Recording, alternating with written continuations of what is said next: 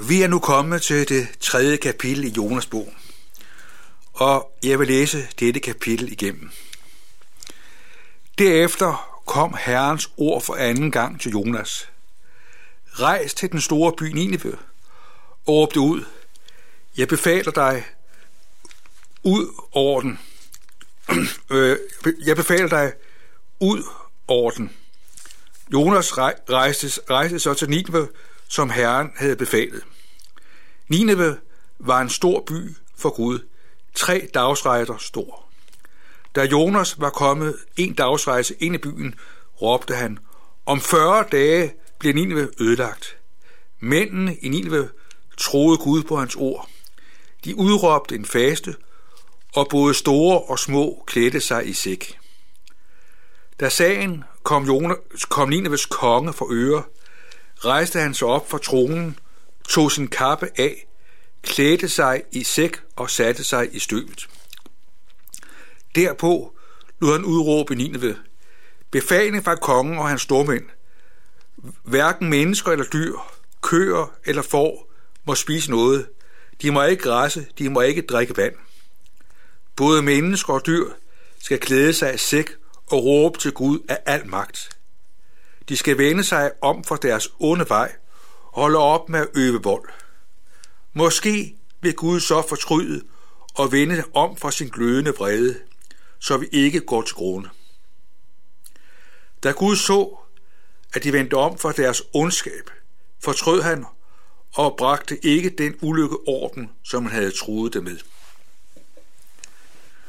Man kunne jo godt have forventet, at Jonas var droppet af Gud. Sådan en hjælpeløs, ringe øh, tjener øh, kan man ikke bruge. Men Gud er så at sige den, der siger til Jonas, op på hesten igen. Gud bruger Jonas igen. Og Gud siger altså til Jonas, at nu skal han gå ind i denne store by i Assyrien, nemlig hovedstaden Nineve. Der skal han øh, forkynde øh, Guds ord. Og vi hører, at her bliver der tale om en radikal og gennemgående omvendelse. Der står meget præcist, at, at mændene i Nineve troede Gud på hans ord. Vi øh, hører altså, at det Jonas her siger, det får en gennemslagskraft uden lige. Det er en vækkelse, som når går, går rent ind. Det er en vækkelse, som når ind både for, li, for, for, li, for lav og høj. Selv kongen han øh, bliver grebet af frygt for Gud og siger, at nu skal mennesker klæde sig i sæk, og han sætter sig i støbet. Disse mennesker, som her bor i denne by, de møder altså et kald fra Gud. De er klar over, at deres liv uden Gud, det er dødens vej. De bliver grebet af frygt og angst. De er klar over, at de kan se Guds vrede i øjnene som en konsekvens af deres ulydighed og deres synd. Og derfor så fortryder de alt det forkerte, de har været haft gang i. Og vi ser altså, at her bliver der tale om en kæmpe omvendelse. Jeg synes, det er rigtig skønt og fascinerende at tænke på det. Det kan godt være, at vi synes, at vores tid, vores kultur, vores verden ser forfærdelig ud. Vi ser en verden omkring os, hvor troen på Gud ikke er i høj kurs.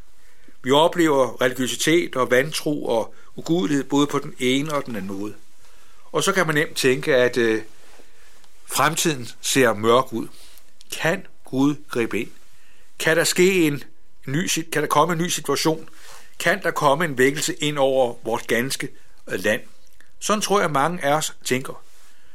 Og så hører vi den her fantastiske beretning, at Gud er den, der kan gribe ind, at Gud kan lade en vækkelse øh, få gennemslagskraft. Byen er stor. Vi hører, at det tager Jonas tre dage at gå fra den ene ende af byen til den anden ende af byen. Så det er jo altså en kæmpe by, der her er tale om.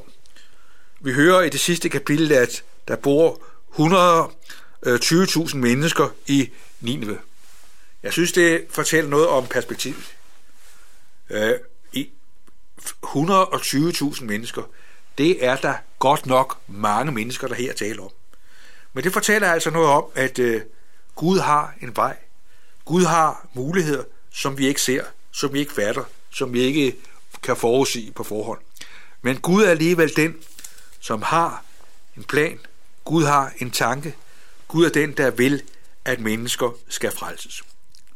Og så møder vi også det fantastiske, at Gud har et blødt punkt. Gud har et ømt punkt. Gud har et bankende hjerte. At der, hvor Gud ser, at mennesker vender sig til ham, der blødgøres Guds hjerte. Sådan er Gud så at sige, ikke så at sige, men Gud reelt øh, trækker sin trussel og sin vrede tilbage. Gud er altså den, der er følsom. Gud er den, der er sårbar. Gud er den, der er sårbar over for vores nød og vores omvendelse. Vi ser, at da Gud ser, at mennesker fortryder det bedre, de har gjort, ønsker at, at begynde et nyt liv, der ser vi altså, at Gud er den, der trækker i land. Gud er altså ikke den, der er fornærmet og siger, når mennesker har handlet vanvittigt og gudeligt, så vil jeg ikke længere vise noget og godhed. Vi ser altså her, at Guds veje kan blive bøjet af menneskers omvendelse. At der, hvor Guds omvendelse når ind i menneskers liv, der kan alt ændres. Der kan alt blive nyt igen. Og sådan ser vi altså, at Gud øh, bliver blød og, bliver, og følsom og bøjer af, når han ser denne omvendelse nå rent igennem. Det er bemærkelsesværdigt, at der står bare præcist, at mennesker troede øh, Gud på det ord, som Jonas sagde. At øh, det, som mennesker lagde mærke til, det var, at Jonas, han talte Guds ord. Det afgørende var ikke den façon, som Jonas øh, talte på. Det var ikke Jonas ydre fremtoning, øh, der var det afgørende. At Jonas han øh, havde ikke et program, hvor der var lavet et program, hvor det handlede om, at det skulle se smart ud og være effektivt. Men Jonas, han lagde røst til Guds ord. Og det synes jeg, det giver også en frimodighed. Det, der er afgørende, det er ikke, om vi kan lave en strategi og lave en plan, som vi skal virkelig gøre. Men det, der er afgørende, det er, at øh, Gud agerer. Gud handler.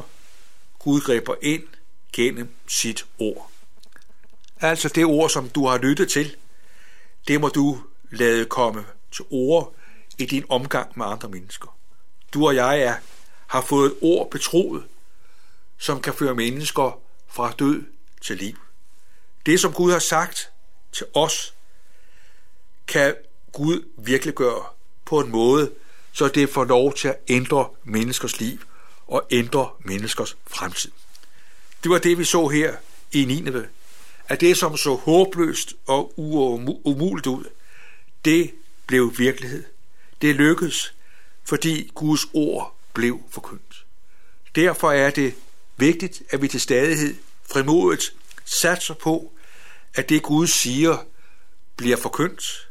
Det Gud har sagt bliver ragt ud til de mennesker, vi lever blandt. At øh, Gud var ikke fornærmet. Gud synes ikke, at de mennesker at de var uden for rækkevidde. Sådan kan vi have det indimellem, at vi synes, at mange af de mennesker, der bor omkring os i vores by, de mennesker talt, synes vi, de er uden for rækkevidde. Og så kan vi måske øh, miste modet. Vi kan miste frimodigheden. Vi kan vige, så vi ikke får sagt, hvad Gud har at sige. Derfor er det afgørende, at vi til stadighed ikke tager vort udgangspunkt i det, vi ser, men tager vort udgangspunkt i, at Gud vil, at mennesker skal blive frelst. Jeg tror, at der er en fare for mange af os, at når vi ser den store ugudelighed der, og den sekularisering, der gør sig gældende i vort land, der kan vi i den grad blive præget af en modløshed og en resignation, så vi tænker, at det, der bliver sagt om Gud, aldrig når frem. hvor, vores, hvor vi kan agere ud fra en frygt og angst, så vi ikke agerer og handler ud fra det Gud siger. Her er det afgørende, at vi til stadighed lader os være forankret i det, Gud siger. Lad det, vi siger, være, best, være, være præget og bestemt af, at Gud vil mennesker skal komme til omvendelse og blive frelst. At Guds ord er et levende ord, et mægtigt ord, der skaber, hvad den, hvad, hvad, der, hvad der nævner, også når det bliver sagt og ragt af os. Og gennem Jonas ser vi altså, at her møder vi altså en forkynder, et menneske, der virkelig ikke var særlig sej, ikke var særlig vellykket, men trods hans indskrænkning og snæversynlighed og selvoptagethed, så lod Gud sin vilje ske. Og sådan er Gud den, der vil bryde vores øh, isolation af resignation og modløshed med frimodighed, sådan at det, som Gud siger, er noget, der bestemmer os og præger vores liv. Tænk, en by på 120.000 mennesker. De blev stanset og mødt af Gud, fordi det Jonas sagde, det som Gud havde lagt ham på scene, det var et ord, der skabte omvendelse. Og det samme kan ske igen. Gud har ikke givet os løfte om, at det sker når som helst og hvor som helst. Men Gud har lovet at være med os alle dage ind til verdens ende. Det er den gode nyhed. Det er den glædelige virkelighed. At Gud er den, der ind til verdens ende vil. At budskabet om noget og frelse bliver, bliver forkyndt og ragt ud til andre mennesker. Og hvem skal gøre det? Hvem skal bringe det budskab ud? Det skal du og jeg. Du og jeg, som har smagt Guds frelse, smagt Guds barmhjertighed, lever i Guds øh, tilgivelse. Vi er de mennesker, som Gud vil bruge. Gud vil selv lade sit vidnesbyrd blive til liv gennem vores ofte famlende og svage ord. Vi kan synes, at vores ord kan være små og være uklare, og vi kan være, have svært ved at redegøre for, hvordan vi skal sige det rigtige ord. Men Gud er den, der ved sin ånd er i stand til, at det, han lægger os i munden, bliver til liv for andre mennesker. Vi så, at da Gud så, at mennesker vendte om for deres onde vej, så fortrød han og bragte i den ulykke orden, som han havde truet med. Sådan er Gud også i dag den nåde og forvarmende Gud, der ønsker, at, må, at han må have mulighed for at kunne forbarme sig over de mennesker, vi lever blandt, og først og fremmest kunne forbarme sig over os, fordi han lod sin søn dø og opstå, for vi gennem ham skal det evige liv. For Jonas er jo også på en skæv måde en profeti om Jesus.